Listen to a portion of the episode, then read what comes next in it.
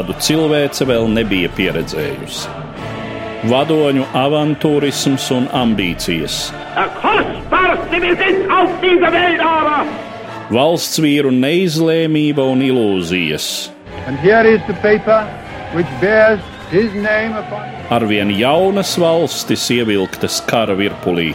United States of America was suddenly and deliberately attacked. Nežēlīgi malti cilvēku un tautu likteņi. Lai dzīvo darba tautas draugs un ģeniālais vadonis biedrs Stalins! Otrais pasaules karš sarunās ar Eduardu Liniņu raidījumu ciklā Satumsums. Labdien, cienījamie klausītāji!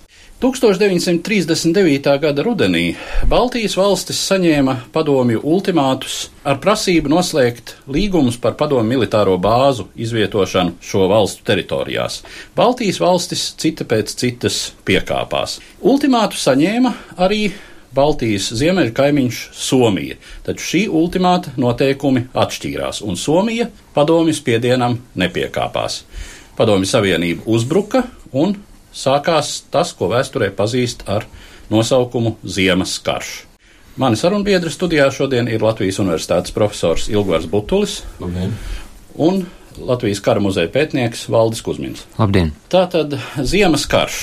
Nu, Pirmām kārtām, kā jau minēju, tas, ko Padomju Savienība pieprasa 39. gada rudenī no Somijas, atšķiras no tām prasībām, kuras izvirza eh, Baltijas valstīm. Un proti, Somijai prasa atdot arī daļu tās teritorijas. Kādi ir padomju argumenti šajā gadījumā? Tātad padomju argumentācija bija tāda, ka padomju savienībai ir nepieciešamas gan bāzes, kā ko pussalā, nepieciešams virkni Somijas salu un nepieciešams atvirzīt Somijas robežu vairāk uz rietumiem, un sevišķi tas attiecās uz Karelijas zemes šaurumu, lai Somijas padomju savienības robeža būtu attālināta no Ļeņingradas. Nu, tās bija tās formālās teritoriālās prasības. Kā zināms, tad Karēlijas zemes šaurumā Somija diezgan konsekventi bija veidojusi aizsardzības līniju tieši pret Padomju Savienību, un šī aizsardzības līnija līdz ar to tiktu zaudēta. Principā jā. Tās prasības, kas tika izvirzītas, nu, jebkurā gadījumā šo politisko sarunu ceļā vēl bija dažādi mēģinājumi kaulēties, un pati Somijas politiskā vadība vēl tur, kurš piekrīt, kurš nepiekrīt. Bet jebkurā gadījumā, jebkura teritorijas zaudēšana ļoti būtiski vājinātu šo tā saukto Mannerheima līniju. Nu, varbūt interesanti ir tas, ka prasības bija septiņi punkti, un Somija tā vai citādi bija gatava runāt par pieciem, un nebija gatava runāt par diviem. Tas skaitā par Hanko pussāli, bet tas netraucēja padomu savienībai runāt par Somijas nepiekāpīgo un padomu savienībai nedīgo nostāju. Jā, nu padomu retorika, tas, protams, arī ir īpašs temats. Kaut nu, gan šodien, gan arī tobrīd jau visai pasaulē šķita diezgan smieklīgs apgalvojums, ka Somija ir agresīva attiecībā pret Padomju Savienību. Tas netraucēja padomju propagandai šādu argumentu minēt, vismaz iekšējai lietošanai, tā sacīt, padomju cilvēku ideoloģiskai apstrādē. Runājot vispār par Padomju Savienības plāniem jau kara sākumā, epizodiski parādība bija tāda marionešu valdība, kur pat mēģināja izveidot turpat bez mazai pirmajā ciematā, kur ieņēma sarkanā armija, bet šī valdība pastāvēja salīdzinoši šīs brīdi, jo kļuva skaidrs, nu pat laikam īsti imitēt uh, socialistisko revolūciju Somijā neizdodas. Un bija jau ne tikai šī valdība, bet bija arī Somu karaspēku vienības, ja tikai tās nepiedalījās šais cīņās, bet tām bija it kā paredzēts tāds uzdevums, tad, kad Somija jau tiks okupēta, šīs kreiso somu vienības būs tās, kuras šeit darbosies. Bet, nu, katrā ziņā tā situācija, paldies Dievam, izveidojās tā, ka padomu savienībā ar to realizāciju nekas Somijā neiznāca. Kā notiek uh, šī izšķiršanās, tātad pretoties vai nepretoties? Somija, kā zināms, ir demokrātiska valsts, un atšķirībā varbūt no tās pašas Latvijas, kur izšķiršanās notiek tomēr diezgan šaurā lokā, savā starpā konsultējoties dažiem valsts augstākajiem vadītājiem un dažiem augstākajiem armijas komandieriem. Kā notiek šis process Somijā? Somijā šis process nu, notiek visnotaļ demokrātiskā ceļā un sarunu raundos 39. gada rudenī notiek nepārtrauktas konsultācijas, notiek vai nu pozīcija mājiņas, dažādi manevri un tā tālāk, ko Padomju Savienība atkal, ja mēs runājam par to Padomju Savienības retoriku, varbūt arī pat izpratni, kā iztūko kā Somijas nevēlēšanos, bet vienkārši tā ir demokrātijas pazīme. Un es domāju, šī izšķiršanās notiek varbūt arī tādējādi, ka Somija, manuprāt, cer uz divām lietām. Pirmais, ka varbūt šī Padomju Savienības nostāja tā asā, ka varbūt tas ir zināmā mērā blefs, Un otrs moments, ka, protams, jūzdam un arī cerēdam uz Skandināvijas citu valstu, nu, galvenokārt Zviedrijas atbalstu, un arī uz Anglijas, eh, Francijas un Savienoto valstu atbalstu, kas nenoliedzam Somijai dod eh, spēku. Un es domāju, tas lielā mērā šo izšķiršanos varbūt par tādu eh, nelokām nostāju nosaka. Cik pamatotas ir Somijas cerības uz to, ka rietumu valstis varētu nākt tai palīgā, vai varbūt Somija zināmā mērā cer arī uz Vācijas atbalstu tomēr šajā situācijā? Vācijai savā ziņā šis karš, teiksim, interesants un varbūt pat izdevīgs, bet no Vācijas puses nekāda uz reālu palīdzību cerēt nevar atbalstu. Teiksim, citu viņai, es domāju, nu, ko cerēt nav. Tātad spēku samērs starp Somiju un Padomju Savienību. Nu, skaidrs, ka Somijam nav nedz tanku divīziju, nedz tādas aviācijas, kādu ir apgādājusi sev uh, Padomju lielvalsts. Tīri militāru. Kas ir tie trumpi, kā saka, kas Maršalam Manerheimam ir piedurknē?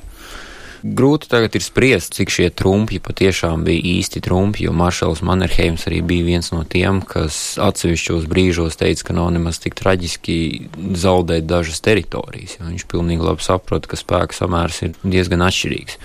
Galvenais trumpis, uz ko Somija varēja cerēt, ir Somijas geogrāfiskais novietojums un dabas apstākļi, Un līdz ar to arī tie geogrāfiskie un dabas apstākļi, ar kuriem vajadzēja rēķināties, vismaz plānojot, un kāpēc tam izrādījās arī praksē, bija nepieciešams ar to rēķināties tātad sarkanajai armijai. Šīs geogrāfiskais novietojums, Karēlijas šaurums starp Baltijas jūru un Ladogas ezeru, plus mīnus 100 km taisnā līnijā.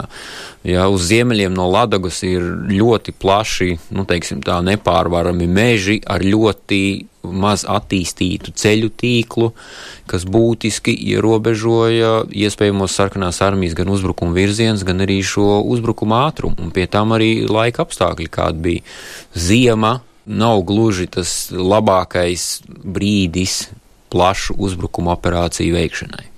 Es domāju, pilnīgi pareizi, ka galvenais varbūt ir šie geogrāfiskie apstākļi, kā kolēģis Valdis Kusmins jau teica, bet uh, tomēr Somijai tā specifika ir tāda, ka Somija, manuprāt, viena no retajām un no tādām nelielajām Eiropas valstīm ir tomēr apzinīgi gatavojusies jau sākot no 20 gadiem savas valsts aizsardzībai. Zināmā mērā jau tas liecina, ka šis sākās kara darbība, tad atšķirībā varbūt no tur daudzām citām valstīm, kuras agresijas pārsteidz otrā pasaules kara laikā, Somijā, nu, izņemot varbūt sākumā mazliet civiliedzīvotājs, bet praktiski nebija nekāda panika, jo katrs zināja savu vietu, Somu aizsargi, ja, profesionāli bija gatavi jau šīm cīņām. Ja mēs runājam kaut vai par Latvijas armiju, nevarētu teikt, ka Latvijas armija un aizsarga organizācija nebija gatava iespējamam uzbrukumam. Droši vien to pašu var teikt uh, lielā mērā arī par pārējām Baltijas valstīm. Bet te laikam ir viens ļoti būtisks moments, ka visu laiku starp abiem pasaules kariem Somija diezgan nepārprotami zināja vienīgo virzienu, no kura varētu nākt šis uzbrukums. Jā, tas, es domāju, arī būtiski, un tas, ko es arī gribēju ietvert šajā geogrāfiskajā novietojumā.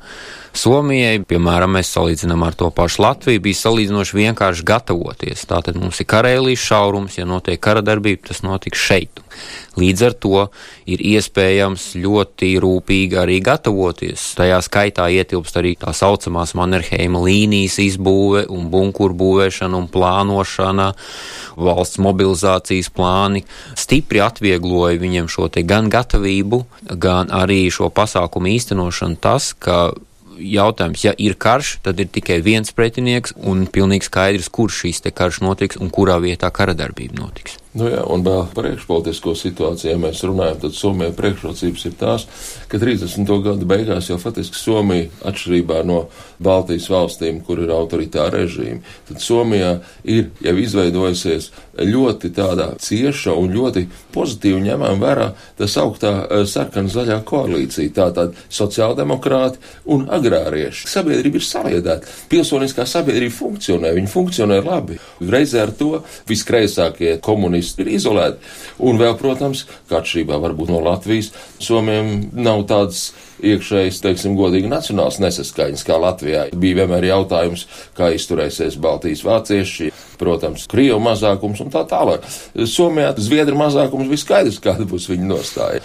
Vēl mazliet varbūt pat atkāpjoties pagātnē, kāpēc tad Somijai izdevās saglabāt savu demokrātisko sistēmu? Nu, kā zināms, mēģinājumi nolikt valsti uz autoritārām sliedēm ir, ir tā sauktā lapujiešu kustība, tāda labēja radikāla. Ir arī, protams, radikāli kreisie komunisti, kuri saņem atbalstu no Padomju Savienības.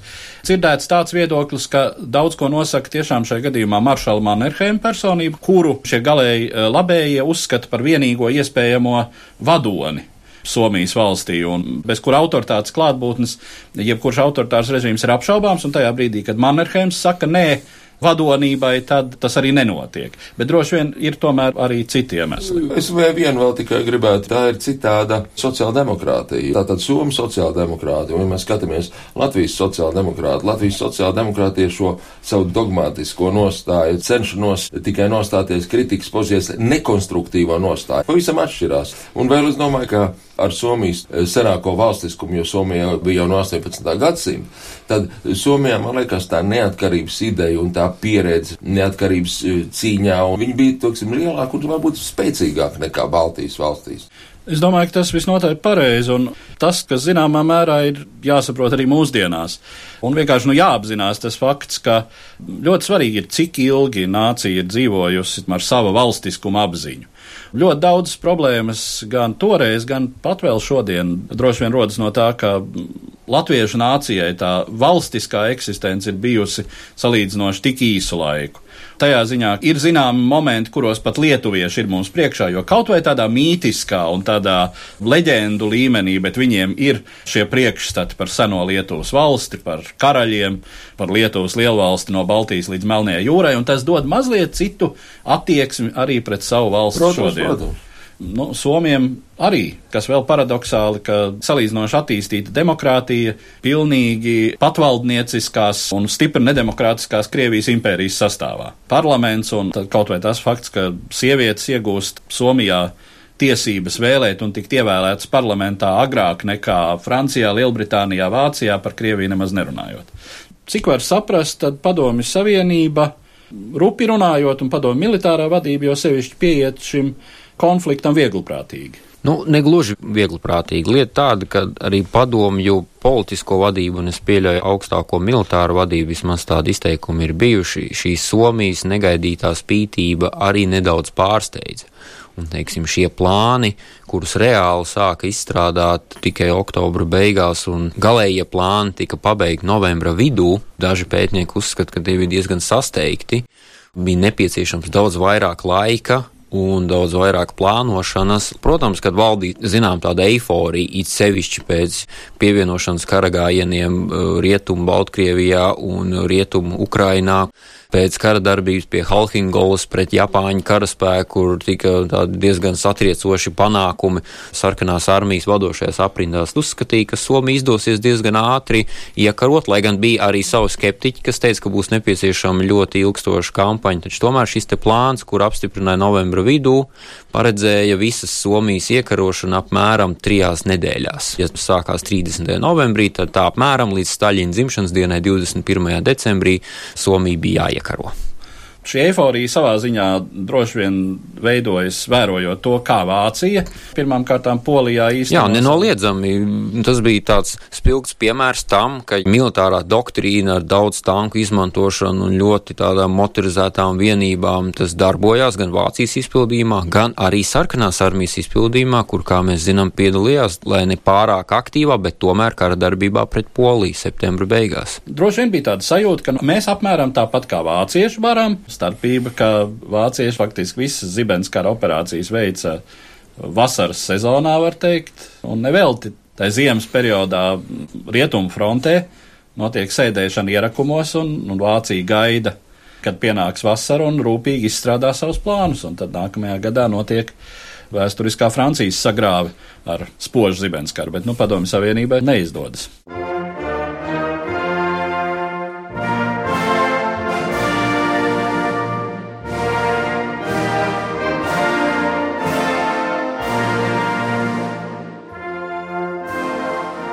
Mūsu šodienas sarunas tēma - Padomju Savienības un Somijas ziemas karš.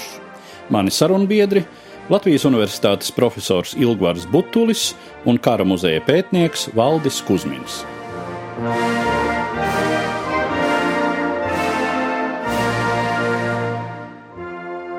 Kur notiek izšķirošās cīņas un kā vispār risinās šī Principā izšķirošās cīņas nenoliedzami, kā jau mēs runājam, tas ir Karelijas šaurums. Taisnā līnijā, šaurākajā vietā tas būtu nedaudz mazāk par 90 km, caur kuru iet ceļš no Ļeņingradas šīs dienas Sanktpēterburgas uz Vīpūru pilsētu, tagadējo Vīborgu, kur sākotnēji sarkanajai armijai par tādu diezgan lielu pārsteigumu un negaidīti šī tā saucamā Mannerheim līnija, kur frontes līnija nostiprinājās 39. gada decembra vidū un noturējās līdz pat 1940. gada februāra sākumam. Galīgi šī Mannerheim līnija tika pāraut 40. gada no 11. līdz 15. februārim lielu uzbrukumu rezultātā. Tātad šī bija tā vieta, kur koncentrēja lielākā daļa abu karojošo pušu, gan labākās karaspēka vienības, gan aviācija, gan artilērija, gan vispārējais. Padomi un Somu robeža ir stipri gara. Kas tad notiek uz ziemeļiem no Ladogas ezera? Nu, ja mēs tā runājam par sarkanās armijas plānu, tad kopējām uzbrukumam bija paredzētas četras armijas. No stiprākām no tā septītā armija, kas uzbruka tieši šajā Karēlijas šaurumā, un tās sastāvā bija paredzētas deviņas strēlnieku divīzijas, tanku korpusu, tanku brigādes, tātad ļoti nopietnas spēks ar 400 tūkstošu cilvēku, pusotru tūkstošu tanku. Pārējās trīs armijas bija paredzētas iesaistīt kara darbībā starp Ladogas ezeru un Murmanskas pilsētu. Tātad 8. armija tieši ziemeļos no Ladogas ezera. Tās sastāvā bija paredzēts sešas strēlnieku divīzijas, pēc tam tālāk vēl uz ziemeļiem 9. armija ar uzdevumu pārgriezt Somiju tā šaurākajā vietā, nu, lai tik līdz Botnijas līcim pie Oulu pilsētas. Tās sastāvā bija četras strēlnieku divīzijas, protams, ar papildus armijas vienību, un Murmanskas apkārtnē būtu vēl viena 14. armija trijām strēlnieku divīzijām uz ziemeļiem no Latvijas ezera šī kara darbība bija diezgan ierobežota, jo apvidus apstākļi nepieļāva plaša mēroga. Kara darbība, tā vismaz domāja Somijas bruņoto spēku vadība, kurai novembra beigās, decembra sākumā, piemēram, bija ļoti liels pārsteigums par to, ka sarkanā armija, piemēram, uz tā paša rātes ceļa un somu salmi, kur vēlāk kļuva par ļoti slavenu kauju vietām, tas virzienā uz Oulu pilsētu 9. armijas uzbrukuma sektorā iesaistīts tik daudz karaspēka un kurš būtu tik spēcīgi nodrošināts gan ar autotehniku, gan ar smagu artilēriju, gan ar tankiem, gan vispārējo, ko rādīja vēlāko kauju gaita, ka šīs divīzijas arī cieta ļoti smagas zaudējumus nepiemērotos dabas apstākļos, un arī jāatzīst, ka šo divīziju organizācija nebija pārāk piemērota šiem dabas apstākļiem ziemas laikā. Šāda vidusmēra sarkanās armijas strelnieku divīzija bija gan skaita, gan tehnikas ziņā daudz smagnējāk nekā, piemēram, Vācijas bruņoto spēku kānieku divīzijas 41. gadā. Piesātinātība ar smago tehniku bija ļoti liela. Ja mēs skatāmies tīri no militārā viedokļa, no panākuma viedokļa, ko vēlāk arī pētīja un domāja, kā to izmantot, tas, protams, ir uz ziemeļiem no Ladogas ezera, kur Somi izmantoja šo ielēkumu taktiku, veidoja tas, ko viņi sauc moti, tādus ielēkumu katlus gar ceļiem, nogriežot atkāpšanos un piegādes nogādes ceļus un pēc tam lēnā garā iznīcinot šīs vienības. Paši Somi tā, tās bija tādas vieglas kājnieku vienības, bieži apgādātas ar slēpēm, ragavām un tā tālāk. Tas Jā, bija tas, kas cīnījās tajās vienībās lielākoties cilvēki, kas turpat uz vietas arī dzīvoja, tad lieliski pārzināja tās teritorijas. Tas būtu drusku pa daudz pārspīlēts, bet principā, jā, 9. divīzija, kas cīnījās pie Somas salmi, tika mobilizēta Somijas, teiksim, tā vidienē un Somijas ziemeļa rajonos, kas vairāk vai mazāk zināja, ko nozīmē ziema šajā apvidū. Un, ja mēs salīdzinām ar bēdīgi slaveno 44. strēlnieku divīziju sarkanās armijas, kur uz rātas ceļa tika iznīcināta tā saucamā Ukraiņu divīzija, šai te divīzijai tas bija tāds diezgan nepatīkams pārsteigums, līdz ar to arī šīs bēdīgās sekas. Ja, cik var spriest, tad tur bija mobilizēti droši vien cilvēki kaut kur no, no Ukrainas. Ja. Es šeit vienu komentāru tikai atceros mm, savu sarunu jau pirms 20 gadiem, 89. gadā Maskavā, ja vienā zinātniskajā konferencē, kur toreiz sāk runāt arī par šo ziemas karu. Tad iznāca saruna ar vienu vecu krievu cīnītāju, kas bija karojis pret Japāņiem, pret vāciešiem un pret somiem. Un tad viņš teica tā, pret Japāņiem tas, nu vispār tā, nu ar vāciešiem ļoti nopietns karš, bet pēc Somijas tas nebija karš, tas bija murgs. Viņš tikai sev kniebu rokā un domāja, kad es pamodīšos. Viņš bija karojis ap polāro loku, kur absolūtā tumsā, jā, absolūti redzot pretinieku, nejūtot un tikai jūtot kaut kādus triecienus un ārkārtīgi nospiedoši arī morāli. Un šīs daļas patiešām, un arī šie karavīri, es domāju, valdes jau pareizi teica, viņi nebija sagatavoti. Tur patiešām nebija vienkārši karot. Un tieši tāpēc arī ziemļos no Ladaugas ezera tad Somijam ir šīs nu, slavenās kauju vietas. Tomēr tā sagatavotība tā gāja cauri un cauri, jo 23. gadā Latvijas militārā presa, daži militārie komentētāji viesojas Somijā un tad izsaka tādu viedokli. Un tas ir tikai 23. gads. Tas laikam bija Gotfrīds Milbergs, kurš teica, lai Dievs stāv klāt tam pretiniekam, kas kādreiz iedomāsies karot ar Somiju.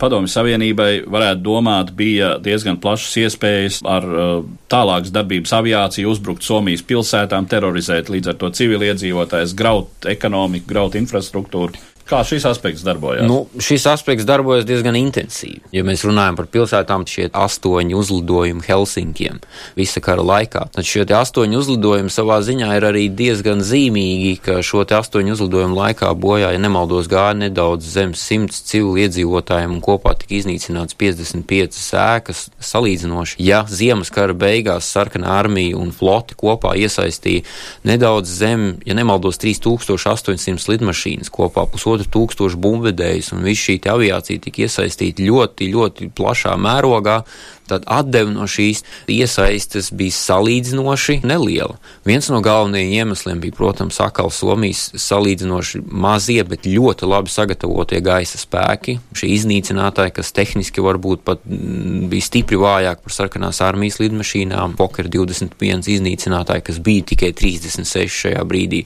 un vispār sākoties kara darbībai Somijai, nemaldos, bija 46 iznīcinātāji dažāda tipa un dažādas kvalitātes. Tātad šī gaisa aizsardzība bija tik salīdzinoši labi organizēta un labi apmācīta, ka viņi spēja samazināt gaisa uzbrukumus līdz tādām nepārāk efektīvām. Un te ir arī jāņem vērā, ka 39., 40. un 41. gads un šie lielie uzlidojumi un gaisa triecieni vispār arī visur pasaulē nebūtu neizcēlās ar pārāk lielu efektivitāti pirmie masveidīgie gaisa uzlidojumi, kurus īstenoja rietumu sabiedrotie, kas deva tādus jūtams rezultātus, sākās tikai 43. gadā ar slavenajiem Hamburgas reidiem, 44. gadā un tā tālāk. 40. un 41. gads tie drīzāk ir tādi morāli nospiedoši uzlidojumi, un šeit jāatzīst arī Somijas puses ļoti pārdomātā šo uzlidojumu seku pasniegšana gan rietumu presē, gan visur citur pasaulē, kur šie uzlidojumi Helsinkiem tika no Somijas viedokļa ļoti atbilstoši pasniegta, kā civiliedzīvotāji iet bojā un tiek bombardēts mierīgas pilsētas. Sarkanās aviācijas absolūtais pārsvars gaisā ļoti minimāli patiesībā ietekmēja šo kara darbību un, un kara iznākumu. Kā vispār ir ar noskaņojumu Somijas sabiedrībā karam turpinoties?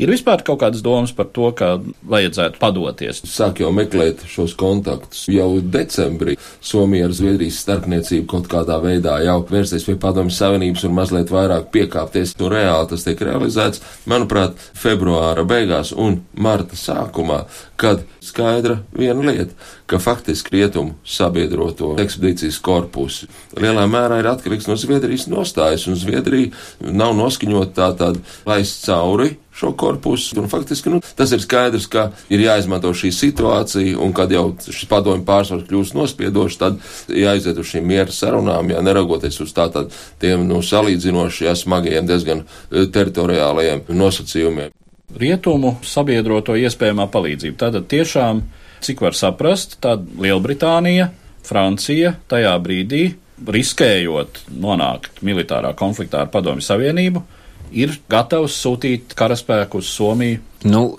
karaspēkā tāda sūtīšana uz Somiju varbūt tomēr bija tāds diezgan uh, optimistisks plāns, un ņemot vērā tos notikumus, kas pēc tam attīstījās 40. gada pavasarī, jau Vācijas iebrukums Norvēģija un tā tālāk, tas bija skaidrs arī, ka reāli šī palīdzība droši vien nekad arī nenokļūt. Bet no otras puses, rietumu valstu militāra tehniskā palīdzība tā gan bija diezgan jūtama. Ja, mēs runājam par lidmašīnām, tāpat. Francija piegādāja savus iznīcinātājus kara beigās. Somijas gaisa spēkos bija 23 Morāns Solņē lidmašīnas. Interesanti arī, ka, teiksim, Itālija piegādāja savus lidmašīnas, un kara beigās Somijas gaisa spēki tieši iznīcinātāji bija vairāk nekā kara sākumā, neskatoties uz zaudējumu. Palīdzība gan ar munīciju, gan ar ieročiem, gan ar šāviņiem tā tomēr bija diezgan jūtama Bet, ja mēs runājam par šo kara darbības pārtraukšanu, tad viennozīmīgi 13. marts, kad kara darbība it kā tika pārtraukta, tas viennozīmīgi bija kā sēra diena Somijā. Tie, kas gāja uz fronti, varbūt ne ar to labāko bruņojumu, labāko ekipējumu, un tie, kas jau tur bija, viņi to uzskatīja par padošanos un par zaudējumu. Viennozīmīgi tas ir zaudējums, kuru nav vērts ne svinēt, ne atzīmēt, un tā bija sēra diena. Es domāju, ka tomēr Somijas prestižs un Somu tautas imidžs, ja mēs šodien teiktu, tas ievērojami cēlās, nenoliedzami.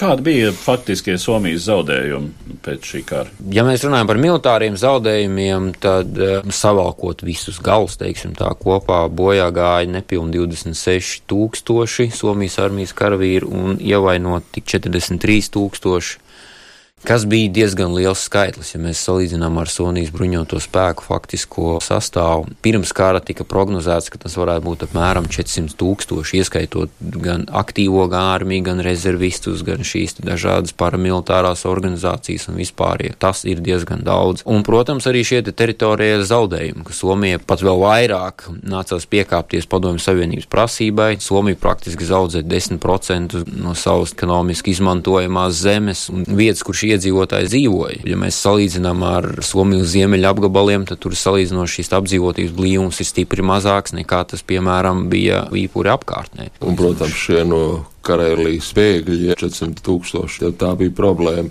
Tie lielā mērā bija zemnieki iedzīvotāji, viņiem bija jāatrod zeme. Tā kā, protams, šīs problēmas lielas bija neapšaubām. Bet, nu, skatoties uz visu to kopumā, ja tajā brīdī Somijai šķita, ka tā ir sakauta un iespējams arī pazemota savā ziņā, tad salīdzinot ar to, kas notika ar daudzām citām Eiropas nācijām, gan tajā brīdī, gan, gan vispār otrā pasaules kara rezultātā, būtībā tā izrādījās eh, Somu tautas patiešām uzvara, bez mazliet neticams Somu tautas panākums cīņā pret lielo austrumu kaimiņu.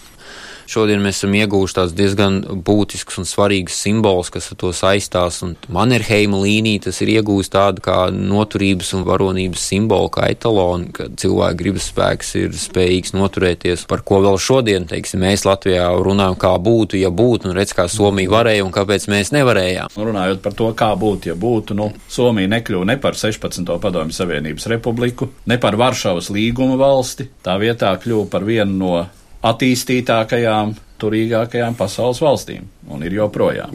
Jā, un es domāju, ka, ja mēs tā runājam no tās sērijas, ko mums no tā būs mācīties, tad es domāju, ka Somija bija, protams, īpašais geogrāfiskais stāvoklis, šie klimatiskie apstākļi, bet tas vien jau e, nekas nebūtu, ja nebūtu šī nācijas saliedētība, šī griba politiskā. Tas viss bija kopā, un patiešām Somija, ko viņa varēja iegūt gan no savām priekšrocībām, geogrāfiskajām, ģeopolitiskajām, gan arī no šīs savas saliedētības, visu viņi maksimāli izmantoja. Somija ir etalons šai ziņai. Un, protams, arī Padomju Savienība ir kļuvusi šajā ziņā par etalonu tikai no negatīvā viedokļa, kā piemērs neizprovocētai agresijai, kā piemērs neefektīvai skaitliskai armijas izmantošanai, lai gan arī varbūt šis te negatīvais piemērs varbūt nevienmēr ir korekts, jo reizums šīs te sarkanās armijas tā reālā cīņa kaujas laukā reizēm pat netiek varbūt līdz galam novērtēta tajos apstākļos, kādos viņi nokļuva, bet tas ir kļuvis arī par savu veidu tādu kā etalonu.